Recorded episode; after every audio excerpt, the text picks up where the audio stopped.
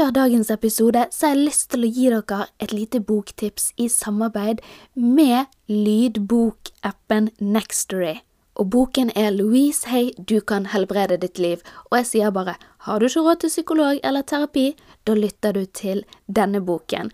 For det Louise gir deg, det er en oppskrift. Det er øvelser der du går i dybden på dine egne traumer, din egen barndom, og så bruker du hennes modell til å rett og slett leve ditt aller beste liv. Og den er så fin!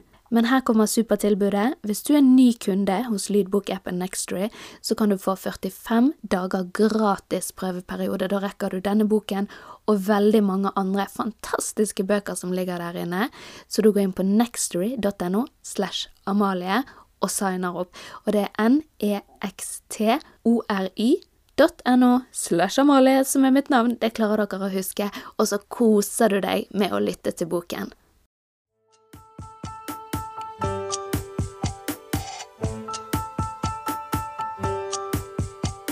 Ok, jeg har en nyhet. Eller nei, det er ikke en nyhet. Nei, det var å åpne for sterkt. Ok, jeg har- en liten ting som jeg har tenkt over siden sist gang. For du vet at jeg fortalte jo den historien om ehm, hun i dyrebutikken som presset meg sånn på denne fiskeoljen, og det var helt jævlig, og jeg klarte ikke å si nei og alt dette her. Har du banket henne? Vold er alltid løsningen, det vet jeg. Men denne gangen tenkte jeg mm, La oss ta et annet Nei, jeg eh, gikk i butikken, i min lokale butikk, og så har de jaggu meg tatt inn fiskeolje. Og da så jeg det et Jeg tok det som et lite tegn. Så tenkte jeg Ja, nå, har, nå vinner jo hun, på en måte. Men samtidig er jeg i en annen butikk, og samtidig tenkte jeg OK, jeg kjører på. Så jeg kjøpte fiskeoljen, for det, hun hadde jo eh, gitt meg skam. Jeg følte jo på skammen om at jeg var en dårlig hundeeier. Så jeg tok fiskeoljen. Nå har jeg brukt den. Han er nå tom, og jeg vil si det fordi jeg er jo allergisk mot eh, min egen hund. Jeg ble jo det etter noen år. Så jeg går fast på allerg allergitabletter da, og prøver å ta så lite som mulig, selvfølgelig. Men den fiskeoljen, den har gjort vidunder for min aller allergi, ja.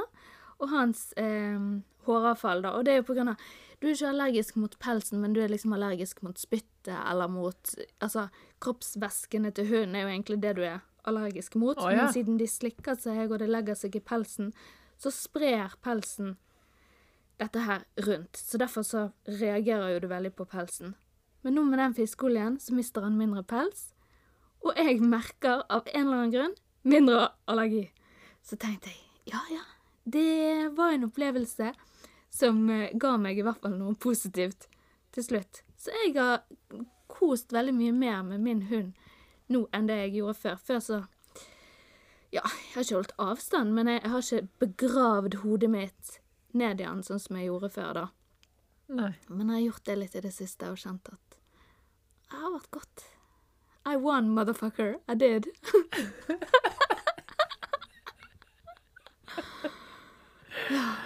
Å, hun skulle bare ha visst. Hun skulle bare visst Og det tenkte jeg på noe min mormor sa til meg en gang.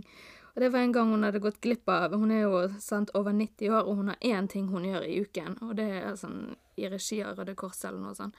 Og så hadde hun glemt det en dag, og det var den dagen jeg kom på eh, bare sånn uventet besøk. Og jeg pleier alltid å gi beskjed til henne før jeg kommer, men denne gangen gjorde jeg det ikke. Og da sa hun, vet du hva, alltid når noe sånt dumt skjer, så er det ikke så dumt at det ikke er godt for noe. Så tenkte jeg, ja, det er et godt poeng, altså. Der sa Ja, du det er da et godt ordtak. Det stemmer Ja. ofte. Veldig ofte, altså. Ja.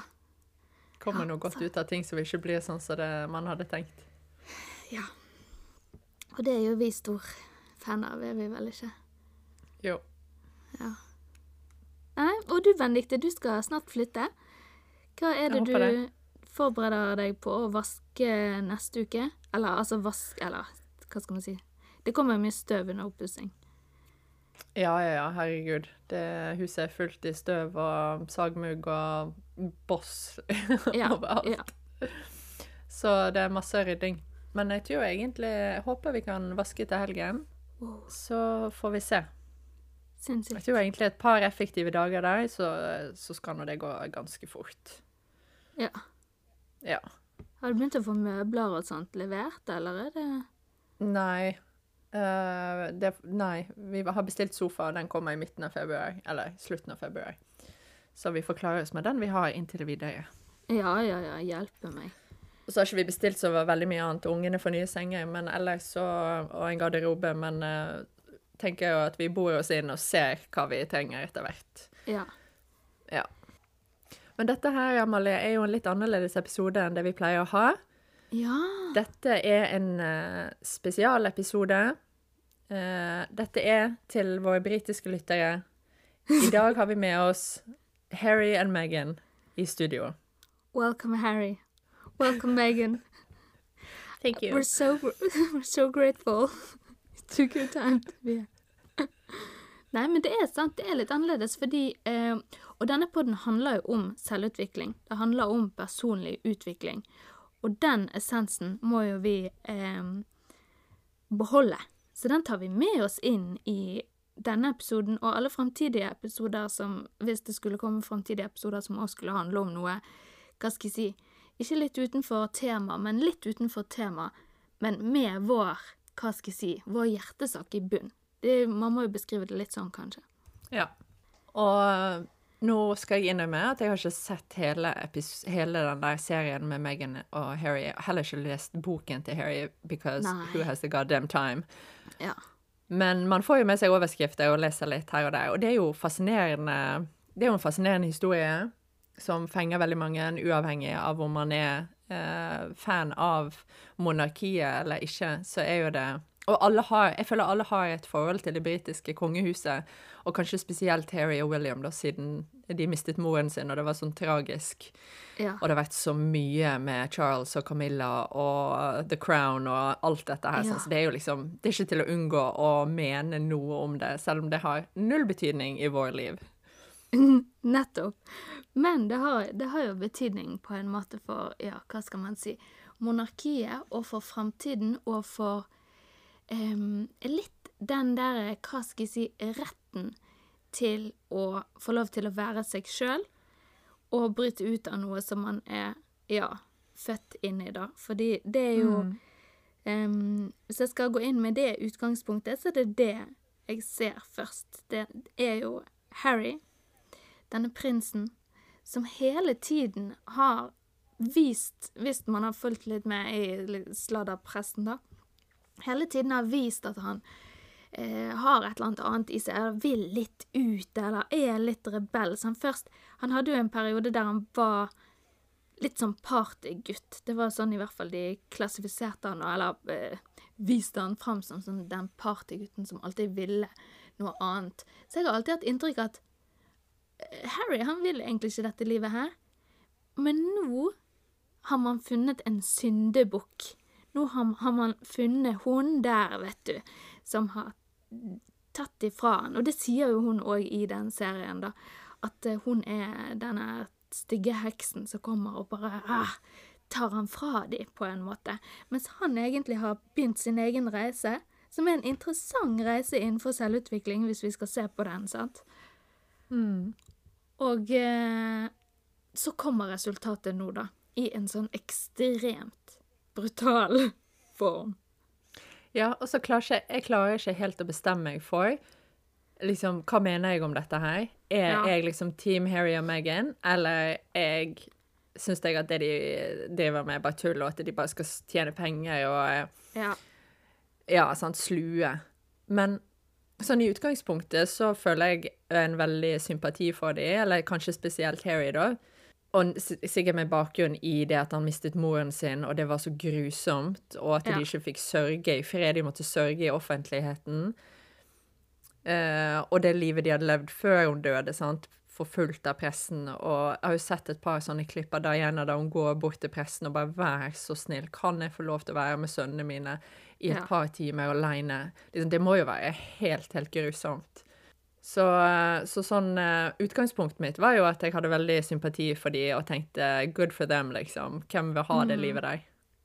Men det er klart at eh, med, med noen av de Jeg har jo sett et par av de episodene, og det virker jo òg litt sånn Jeg vet ikke hvordan jeg skal beskrive det. Så eh, intensjonene bak mye av det kan jo man kanskje stille litt spørsmålstegn ved.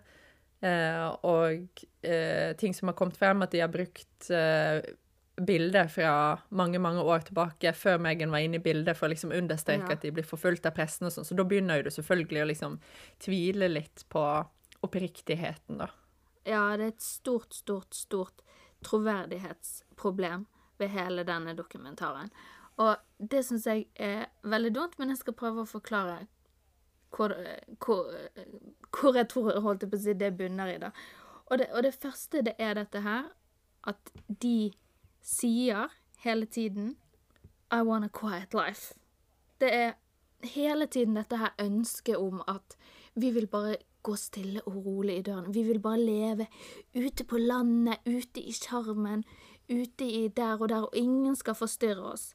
Og så er du den personen som sitter og på en måte bare koker koker kraft på, på, på mediene, jeg på si, eller hva jeg skal si, på historien. Koker kraft på historien.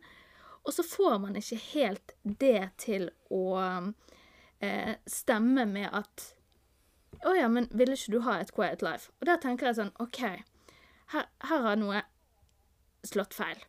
De, de har Jeg tror bare de Jeg vet ikke om de har kanskje fått den PR-rådgivningen de skulle ha, eller om de har liksom tenkt godt nok gjennom det. Jeg vet ikke. Men det de skulle ha sagt, er jo vi har bare lyst til å leve våre liv på vår måte. Vi vet at vi er kjent uansett.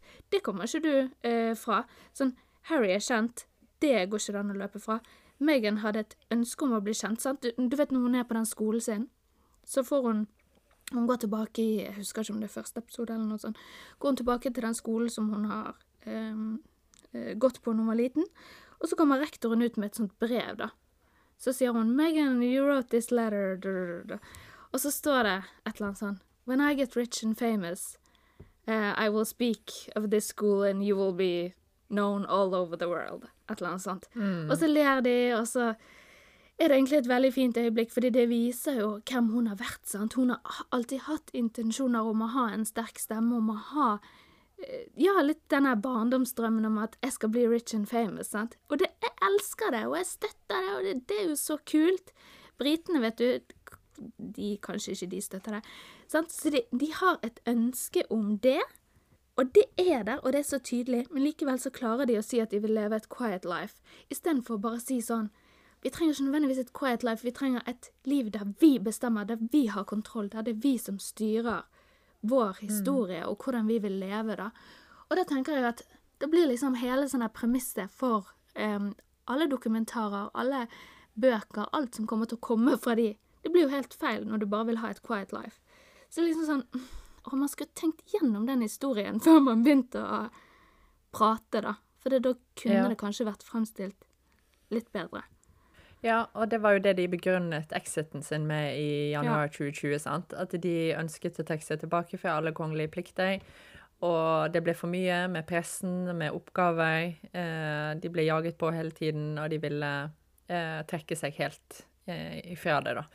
Og så kan ikke man akkurat si at de har trukket seg så veldig, men jeg forstår jo behovet for å fortelle sin historie, men det står jo Ja. helt i, i kontrast til det de egentlig ønsker, sånn som du sa, da. Men så er jo det sånn at de får jo ikke apanasje lenger heller.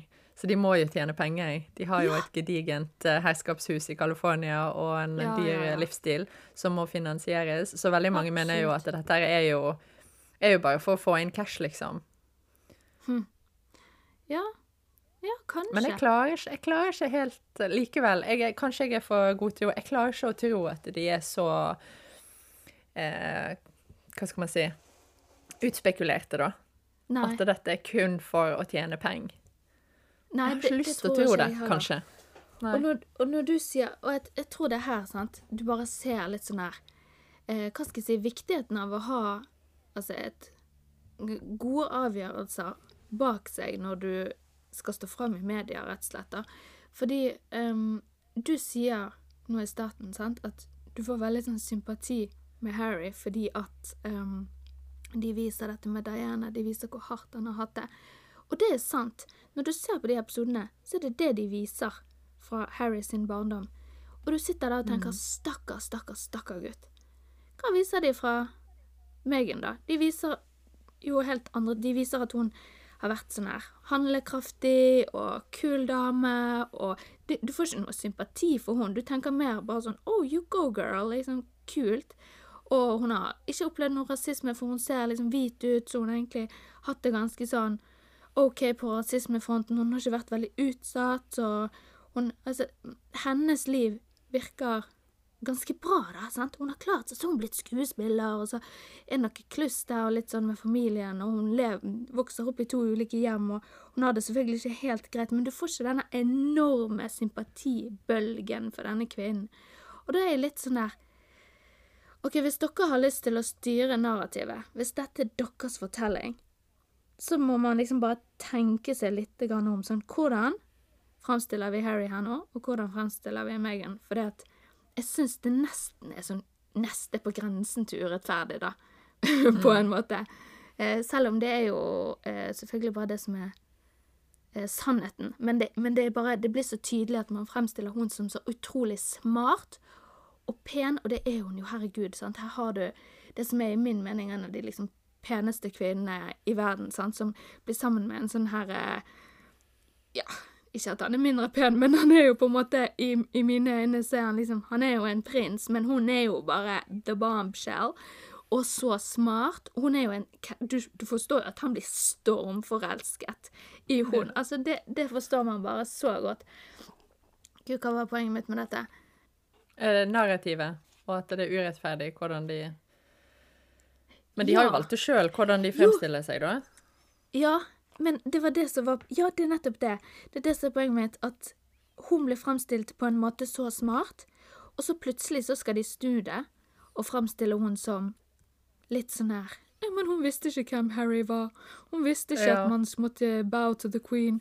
Hun visste ikke De fremstiller henne som, som mer naiv senere, da. Og da sitter du igjen der som seer med litt sånne conflicting thoughts. Sånn Hvem er denne Megan? Så jeg, hvis hun er så smart, burde hun ha tenkt Hvis hun er så hun, Hvis hun mm. er så mm. smart, hvorfor var hun naiv, sant? Og så, så, så jeg, jeg, sitter igjen der med at den dokumentaren gjør ikke hun noe godt heller, dessverre, og det syns jeg er utrolig, utrolig dumt, da. For mm. når hun først prøver å fortelle sin egen historie, så er det akkurat som det ikke helt går. Ja. Nei, jeg er enig i den analysen der. Ja, det var en god analyse, syns jeg. Og jeg tenkte litt på det når jeg, hun fortalte at hun, den gangen hun skulle møte dronningen for første gang. Ja. Så visstnok visste ikke hun at hun skulle møte dronningen før de var på vei i bilen til Slottet, eller hvor det var henne.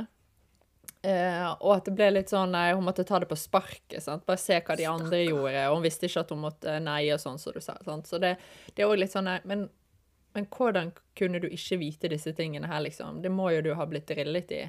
Ja. Det er jo ingen som får møte dronningen sånn tilfeldig eh, av den Altså når du kommer inn, skal inn i den britiske kongefamilien, så Men I don't know. Det kan hende det er så tilfeldig, men det bare virker sånn når du ser det, så bare sånn Hvordan er det mulig, liksom? Ja, nettopp det òg er veldig sånn conflicting, da, i mangel på et bedre ord. sant? For senere forteller jo Harry at ja, men jeg prøvde å avtale et møte med henne, men det er så utrolig vanskelig, og det er andre mennesker som styrer hennes kalender. sant? Og så prøver han å få til et møte, og så sier hun ja, jeg har ingenting i kalenderen min, og så viser det seg at de andre sier jo, du har ting i kalenderen. Sånn, så det, det, er sånn, hun har en kalender, hun har folk som styrer kalenderen sin, så plutselig så vet ikke man at man skal møte henne, men så plutselig er hun vanskelig å få til. Altså, det er liksom så mye ting som ikke går opp, og da er det veldig lett å sitte og være litt sånn her Ja, kritisk til, eh, til hele opplegget, da, og det er bare så utrolig synd for to mennesker som helt tydelig har vært på sin egen selvutviklingsreise og bare har lyst til å leve sitt eget liv. Og hvorfor mm. klarer vi ikke å like det og, og støtte det? Det lurer jeg på, Benedicte. Virkelig. For jeg, jeg klarer ikke det helt sjøl heller. Jeg er litt sånn Å, ja, men dere, kom igjen, da.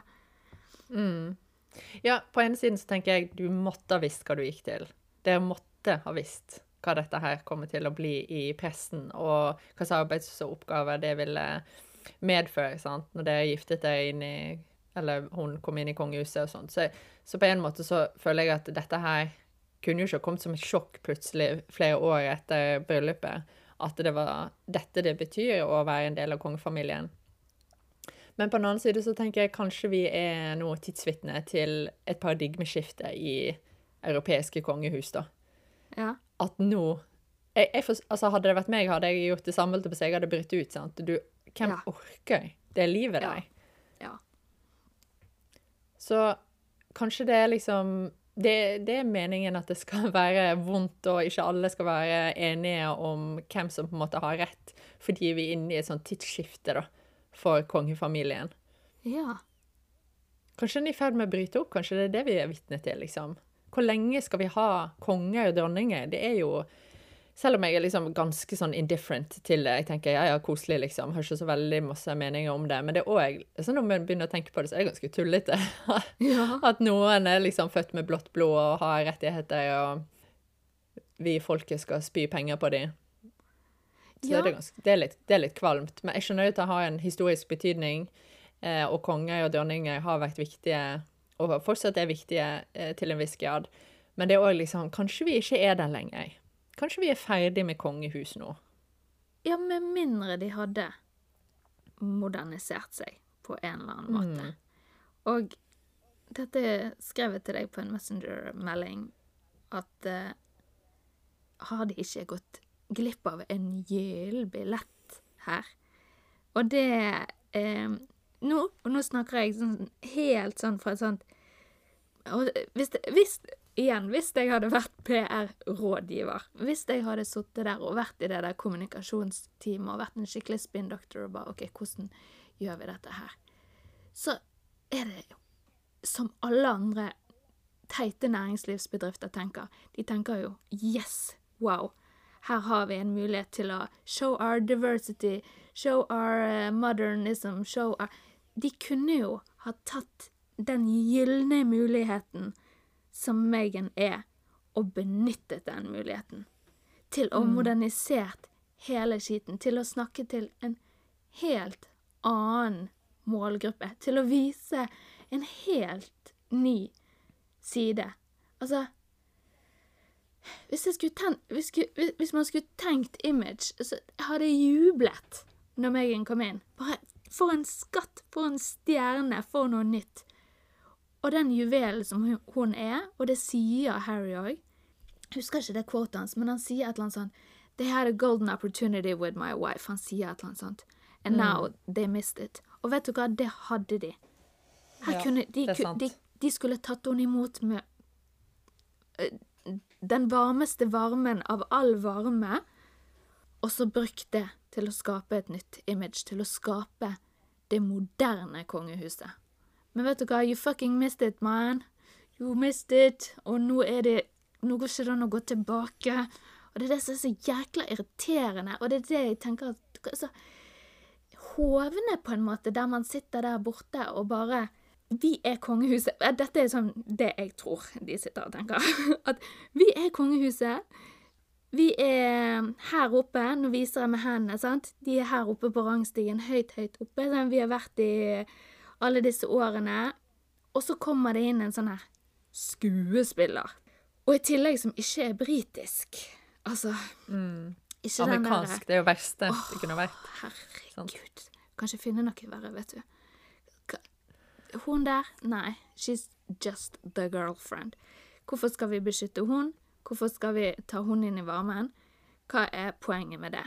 Nei, det driter de i. De er så høyt oppe på rangstigen, og hun er så lavt nede, sant? Men jeg tror òg det har med å gjøre det britiske samfunnet, det britiske folk. Der er kongehuset så ekstremt viktig for dem, og så detrimental til samfunnet, sant. At jeg tror òg det ikke bare er kongehuset som nå mistet denne sjansen til å komme eh, inn i 2023-2022 og bevege seg inn i fremtiden og en modernisert fremtid, men òg det britiske folk, liksom, som er Ja. nådesløse og ekstremt glad i kongefamilien sin, og tradisjoner knyttet til de, sant, og hva de betyr, og hvordan de skal være. Eh, ja, så jeg tror òg det er liksom en sånn her eh, ekstremt vanskelig kultur å endre sånn over natten, da. At det blir Ja. Det er en veldig, veldig vanskelig oppgave. Men det kan jo hende dette her i starten på det, sant? Ja, At kanskje ja, ja. klarte de det ikke med Megan, men men det fører til noen endringer i måten folk tenker på kongefamilien, og hvem som hører hjemme der, og hvordan vi behandler folk. Og ikke minst britiske tabloidpressen er jo helt flate. Sinnssykt. Jeg tror ikke vi kan forestille oss her i Norge Nei. hvordan det er. Altså, de har tydeligvis ikke FPU i England. Nei, PFU. PFU heter det. PFU. Ja, Ja. beklager. Nei, det er jo helt Altså, Ja, det man kan jo ikke bevege lillefingeren uten at eh, de, de liksom plastrer det på alle forsider og skriver et eller annet en hinsides løgn, sant? Ja, det- ja, ja. Det går jo ikke an å takle det. Nei, vet du hva, der til der, der sitter du og kjenner bare sånn Der forstår man så godt at Meghan Markle har fått sjokk, altså. Hun kommer der, sant, som Og har den der The American spirit med at man smiler, man er hyggelig, man er vennlig, og så bare får du beskjeden sånn 'Hæ, du skal ikke smile til paparazzien, det tror de at du liker det. Skal ikke du det, skal ikke du det?' Jeg hadde gjort akkurat det samme som hun.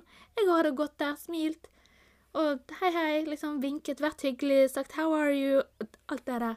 Det klarer ingen Og det tror jeg faktisk at OK, enten Harry, you failed, altså du har ikke forberedt henne godt nok, eller så går det ikke an å forberede seg på det fordi det er umulig å forberede seg på det. Og jeg hørte eh, en eller annen sånn amerikansk eh, sladderpresse bare 'Ja, men pressen her i USA, den er ille, den òg'. Uh-uh. det, det er ikke sånn som i Storbritannia. De er jo klin gale. Ja. Ja. Det, det er ikke noe etisk kompass ute og går der. Eller moralsk kompass, for den saks skyld. Nei. Men kanskje òg Harry ble liksom At disse instinktene til å beskytte seg sjøl og Meghan Ja. ble ekstra skrudd på Ja. i etterkant av at de ble sammen og ble offentlige sammen. Fordi at eh, moren hans ble jo bokstavelig talt kjørt i hjel av paparazzier, sant. Og at han da bare Dette her skal ikke gjenta seg. Historien skal ikke få gjenta seg. Og en litt sånn fuck you til pressen, sant, om at nå, Mm. nå er vi ute. Ja. You ja, vet du hva. Og det kan jeg forstå fra, fra Megan sitt perspektiv òg, det der at du kommer inn, du føler at du ikke blir beskyttet. Han òg ser at OK, du blir ikke beskyttet på den måten. På dette tidspunktet var hun jo kanskje bare the girlfriend, eller hva, sånn i starten. Og da føler man seg kanskje Du vet når man bare føler seg urettferdig behandlet. Bare sånn Det der hadde ikke skjedd hvis det var min bror. Arvingen, på en måte. Jeg er bare The Spare, som den boken heter, tror jeg. Jeg tror den heter Spare. Sant? Sånn at alt er fun and games, og det er de hva skal jeg si, spiller på fløyten, sant? helt til man kanskje bare kjenner at oi, men dette er ikke rettferdig. Og den kjenner Den, den syns jeg er vond. Jeg er helt enig med de der at dette er jo ikke rettferdig. Og så skal man De har prøvd å gå litt sånn stille i dørene. Og så til slutt så bare går det ikke. Og da er jo det da det begynner å gå sør og øst og vest og nord og ned med hele greien, og det blir kaos. Men, men det er her jeg tenker, folkens. Nok en gang, hva time er det dere har hatt bak dere? Fordi at det er noe som heter read the room. Og det vil si at du slipper ikke en dokumentar om hvor forferdelig du har det i ditt multimillion dollar mansion, eller hva det er de sitter i. De sitter i hvert fall i noe som ser ut som et veldig fint hus.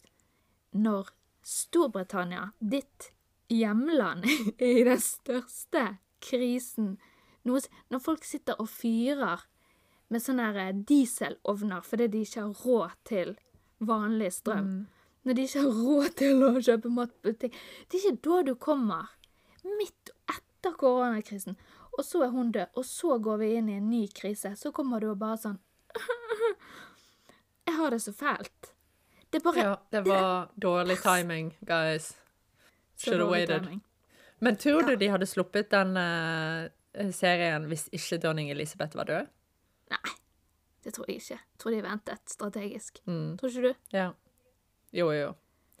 Se for meg at han hadde kanskje Han hadde nok respekt for bestemoren sin Ja. Og det hun har gjort. Ja, det tror jeg òg. Og så virket det jo som den har vært eh, Ikke at kanskje det har vært filmet til dokumentaren så lenge, men at de har ganske tidlig bestemt seg for å dokumentere livet sitt, om, i og med at de har disse eh, snuttene og denne kompisen som sier et eller annet sånn 'Filmlivene deres', eller noe sånt. Ja. Ja. Så det, det har jo Det har sikkert vært et øyeblikk som de har, eh, har ventet på, da. Men man skulle kanskje ha ventet litt lenger. Jeg, jeg vet ikke. Det bare passer så dårlig med den krisen vi er i med ja, det er det. Ja. Og da, da er det jo litt sånn at det er vanskelig å, å like noen som hele tiden er offeret, da. Og det er jo Det er denne offerrollen igjen. Og det er Det tror jeg det jeg må For jeg kjenner at sånn at når jeg sitter og ser på den dokumentaren og jeg blir provosert over noen ting, så kjenner jeg sånn OK, nå må, nå må du, Amalie, jobbe med deg sjøl her. For nå, nå, er det noe gale med det. Så hvordan kan du tenke disse tankene om andre mennesker? At 'herregud, hvor teite dere er', eller jeg sitter der bare 'åh, hvordan kunne du være så naiv'? Sånn, Du går jo gjennom en sånn berg-og-dal-bane av følelser når du ser den der. Men konklusjonen er at det er ekstremt vanskelig å like et offer. Mm. Og det er litt sånn det fremstilles. Og så er det enda vanskeligere å like et offer når, når du får inntrykk av at de kapitaliserer på det, da. Uh, og særlig sånn, boken, dokumentaren, Opera. Ja. ja, det med Opera syns jeg var litt sånn usmakelig. Eller det var litt sånn OK, skal man Det er Opera dere velger som deres kanal ut til verden for å fortelle. Det, ja, hun har jo fortalt mange viktige historier for viktige folk, det er ikke det. Men um, det er litt sånn eh, tar skittentøysvasken i offentligheten. Jeg skulle veldig gjerne ha likt og visst, og det er jeg ganske nysgjerrig på, hvordan er egentlig det der forholdet mellom Harry og William og Harry og faren? Altså, er det så kjølig, og liksom Er det den isfronten som pressen vil ha det til, eller har de en form for sivilisert dialog? Ja. Fordi det er ingen som vil Det, det er jo ingen av uh, eh, verken faren eller broren som kommenterer det som blir sagt i Nei, dokumentaren eller i boken eller noen ting. De kan Nei. jo ikke det. Nei. Men liksom, innerst inne så håper jo jeg at de egentlig har et slags forhold fortsatt, da. Ja. Jeg heier på det. Ja, jeg tror ikke det, altså.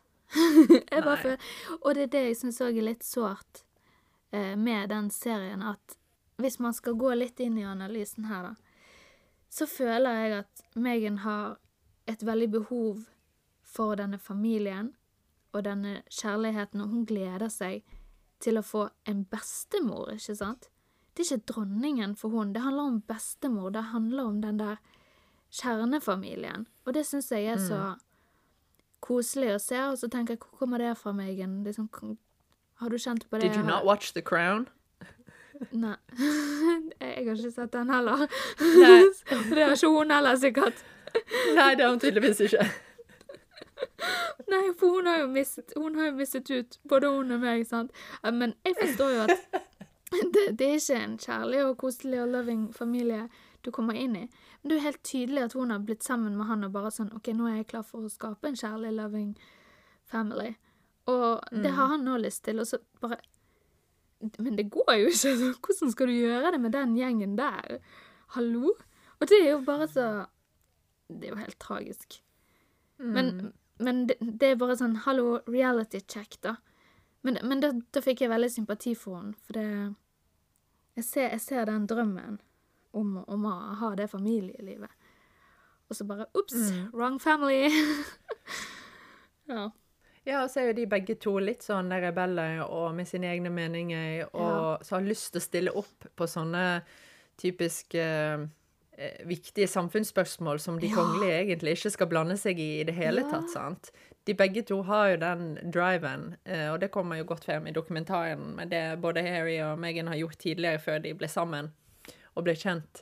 Eh, så det er vel kanskje òg et sånn felles ønske om at de skal få fortsette med det, da. Og ikke måtte leve et liv i taushet der de ikke kan uttale seg om noe som helst. Ja, vet du hva? Jeg av og til så får jeg litt sånn frysninger nesten av å se på Megan når hun snakker om de tingene. Og den ene gangen hun, hun sier et eller annet om metoo på en eller annen tils...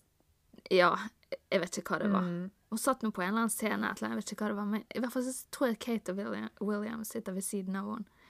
Og så sier ja. hun et eller annet sånn metoo-greier. Og jeg bare ja, sånn stemmer. Yes, girl! Go! Mm. Liksom, du bare du heier så sinnssykt på det, og så bare ser du de der sitter der som to sånne nikkedukker. Du ser når hun er ute blant folk, at bare det er dette hun skal gjøre. Du ser når hun står og lager denne suppen med de her kvinnene, sant, der som det har brent. Det er dette du skal gjøre. Dette Det er helt tydelig. Det er helt, helt, helt tydelig. Og så har man bare Går ikke det, da, i, i den uh, rollen. Det er så mismatch som det går an til å bli. Og der kommer vi tilbake til det der sånn retten til å bestemme sjøl og leve sitt eget liv og gjøre det man har lyst til, og si det man har lyst til, og stå opp for seg sjøl. Det skal de ha. Det har de i hvert fall gjort. De har i hvert fall tatt et aktivt valg, og det er et tøft valg. Og ja, stå på egne bein, selvfølgelig, med mange millioner i, i, i inntekt fra alle mulige dokumentarer og alt sånt, men men OK, man, man har i det minste gjort det, da. For, eller valgt, valgt seg sjøl, på en måte. Og jeg tror Ja. egentlig at Harry gjorde det for, ja, for lenge siden, og kanskje hadde gjort det uansett hvem han hadde blitt sammen med. Forhåpentligvis. Jeg vet ikke. Kanskje. Du kan jo kanskje si da at uh, Harry brukte Meghan som den gylne billetten ut av Ja. kongefamilien, istedenfor Ja. at kongefamilien misset billetten til å bevege seg inn i fremtiden sammen med Det resten kan du si. Ja, det kan du si. Og det er eh, Snakk om å skape skurken her, da. I det bildet de lager av meg. Det er virkelig snakk om å skape skurken. Og det irriterer meg. Det irriterer meg skikkelig fordi at Harry, jeg syns du er litt skurken oppi dette. oppi dette. Du kunne, han kunne på en måte tatt eh, støyten litt aleine, da. På mange måter. Men eh, ja, det er jo der folk er uenige om hvor mye hun har påvirket han, og liksom vice versa. Jeg vet ikke. Hmm. Det er mange som mener at uh, Diana ville snudd seg i graven hvis hun uh, så hvordan forholdet mellom Harry og William var i dag, da.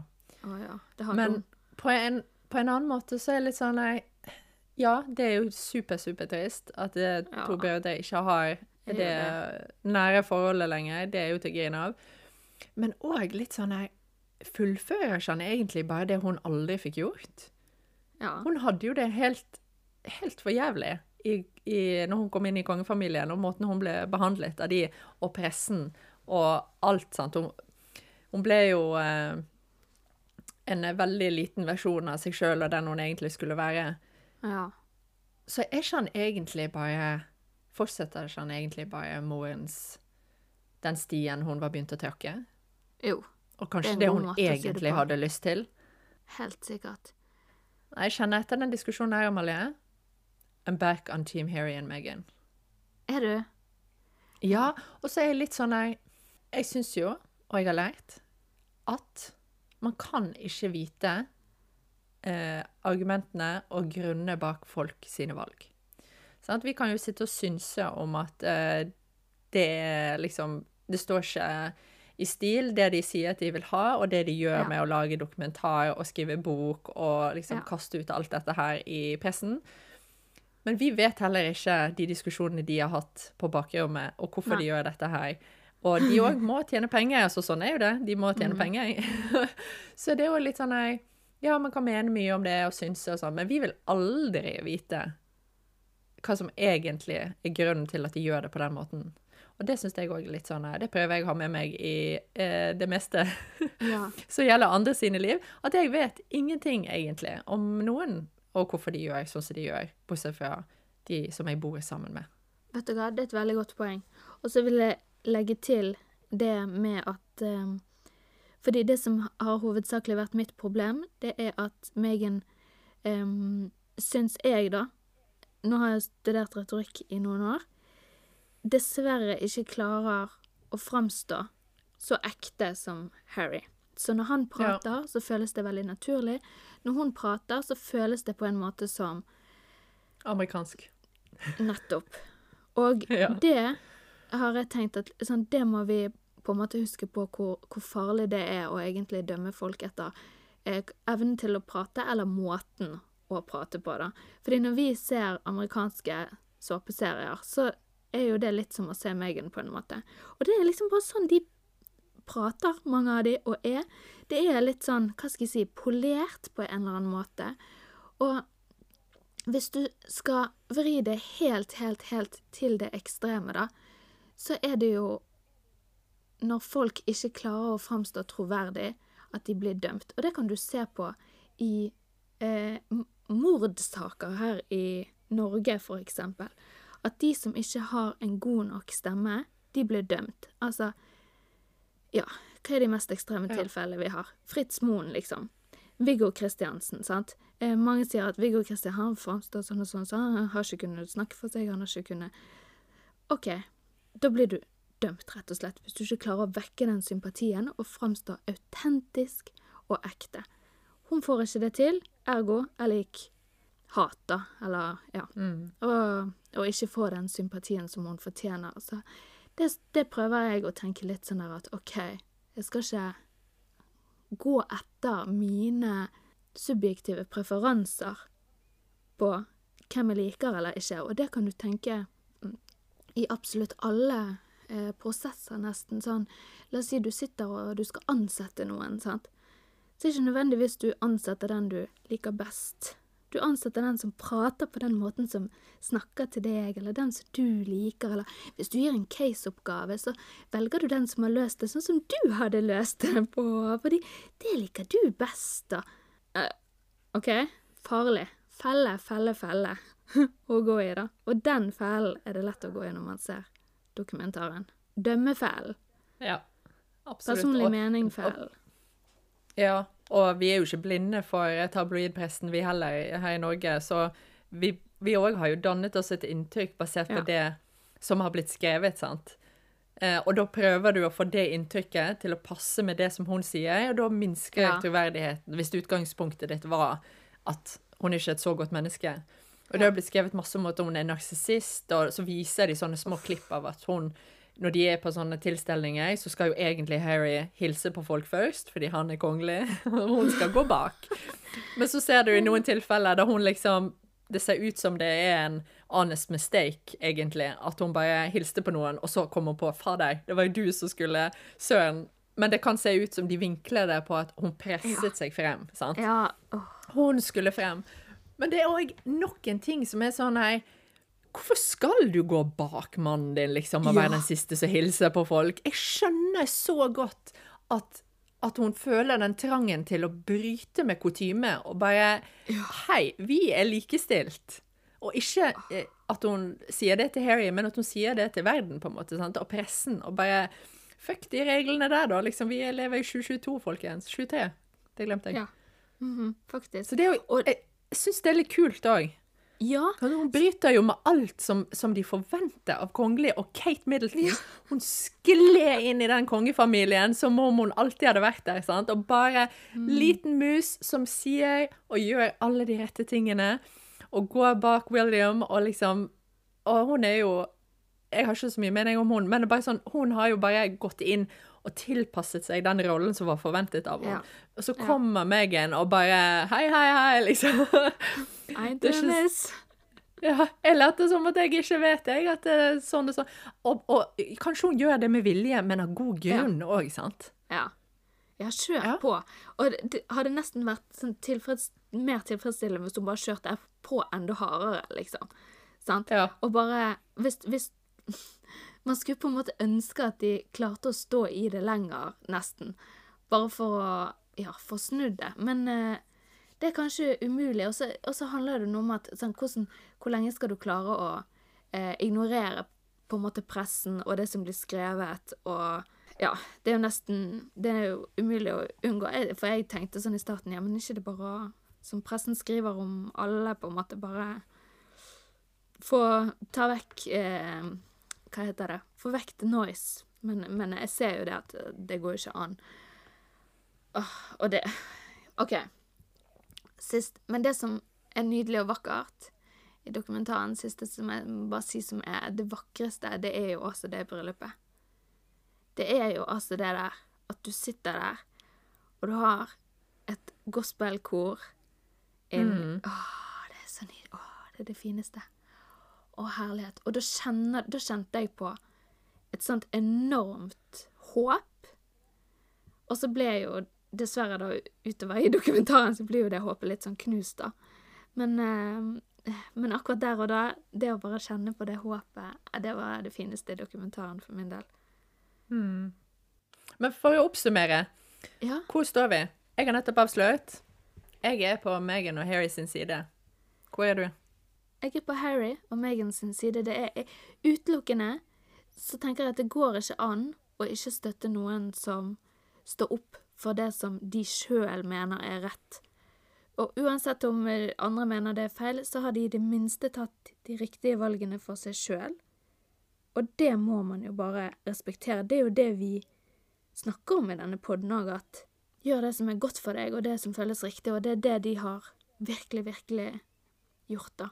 Og så skulle Ja. jeg ha ønsket og jobbet i denne kommunikasjonsavdelingen, altså. Bare sånn for å se hva de prater om, og hva avgjørelse, hvordan har dette gått fram, hvordan, hvordan tenker de å, å framstille, altså hvilke valg ble gjort i den dokumentaren, hvor mye kunstnerisk frihet har det vært fra de som har, har laget den, og hvor obs har de vært på alle disse tingene med framstilling og med timing, og det skulle jeg nok likt å visst litt mer av, for det Ja, jeg syns det er mye som er litt dårlig gjort her mot, mot de, da. Både timing og alt. Ja, nei, det er sant. Men det kan jo òg tenkes at eh, mye av det var jo sikkert knyttet til kontrakter òg, sant. Ja. I lang, lang, for lenge, lenge, lenge siden, så de ikke kunne tekke seg for at de visste at uh, slippdatoen for denne dokumentaren er sånn og sånn. Det kan jo de ha visst i lang, lang tid, sant, før ja, det helt sant. eh, krisen nådde topp uh, nå, Ja. da. Når den Ja, blir sluppet. 100 Og så er det og et sånt par sånne ting som på en måte du, du kanskje kan forutse at pressen vil plukke opp på å sette søkelys på, sånn som for eksempel at de framstiller det veldig sånn at de bor i dette lille her, eh, lille huset eh, ved siden av slottet, eller hva det var. Og så det ser ut som de har flyttet inn i et bitte lite kott. Sant? Så tenker du hæ, skal de leve der inne? Men så leser du senere i pressen at de levde, det var jo bare London-basen deres. De leiet jo et eh, hus verdt eh, 2,3 millioner pund eller noe sånt et eh, annet sted i landet, der de egentlig bodde. Hvis du skjønner. Altså, det er masse sånne ting som bare sånn OK, ikke prøv å spinne historien så mye hvis det ikke er 100 sant. Bare Nei. Vær litt forsiktig, da. Ja. Som, og Ja. det som du nevnte med å bruke de bildene og sånn. Altså, man må Ja, her må man være grundig. Folk er nådeløse. Pressen er nådeløse. Mm. Ja. Og så må de bare slutte å kalle hverandre for H&M. Because, you know, H&M, that's, that's, a, that's a clothing company, you know. It's, it's not what you think it is. Eller kanskje det skal stå for Hva HM? Her Royal Majesty? Jeg vet ikke. HM. Jeg fikk sånn Fikk det opp i sånn fin skrift oppi hodet mitt. Men ja, det må Og det er så grusomt når folk Ja, bruker kalle navnene til hverandre ute, utenfor husets fire vegger. Do not Ja. do it, guys. Hvis jeg hadde vært deres beste venn, så hadde jeg sagt ikke bruk det. Nei. Men eh, ja. Hvor er rådgiverne når du trenger de? Mm. Nei da, jeg bare tuller. Nei, men uh, la oss avslutte der. Så er vi selvfølgelig spente på hva syns lytterne om dette her. Ja. Hvor står dere? På hva side? Så gå inn på Instagram, og så fortell oss der hva deres betraktninger om denne her eh, situasjonen vi har i det britiske kongehus om dagen. Ja, ja, ja, ja. Absolutt. Vi er jo litt sent ute, men bedre sent enn aldri. Hjelpe meg. Vi snakkes neste onsdag. Ciao. Ha det.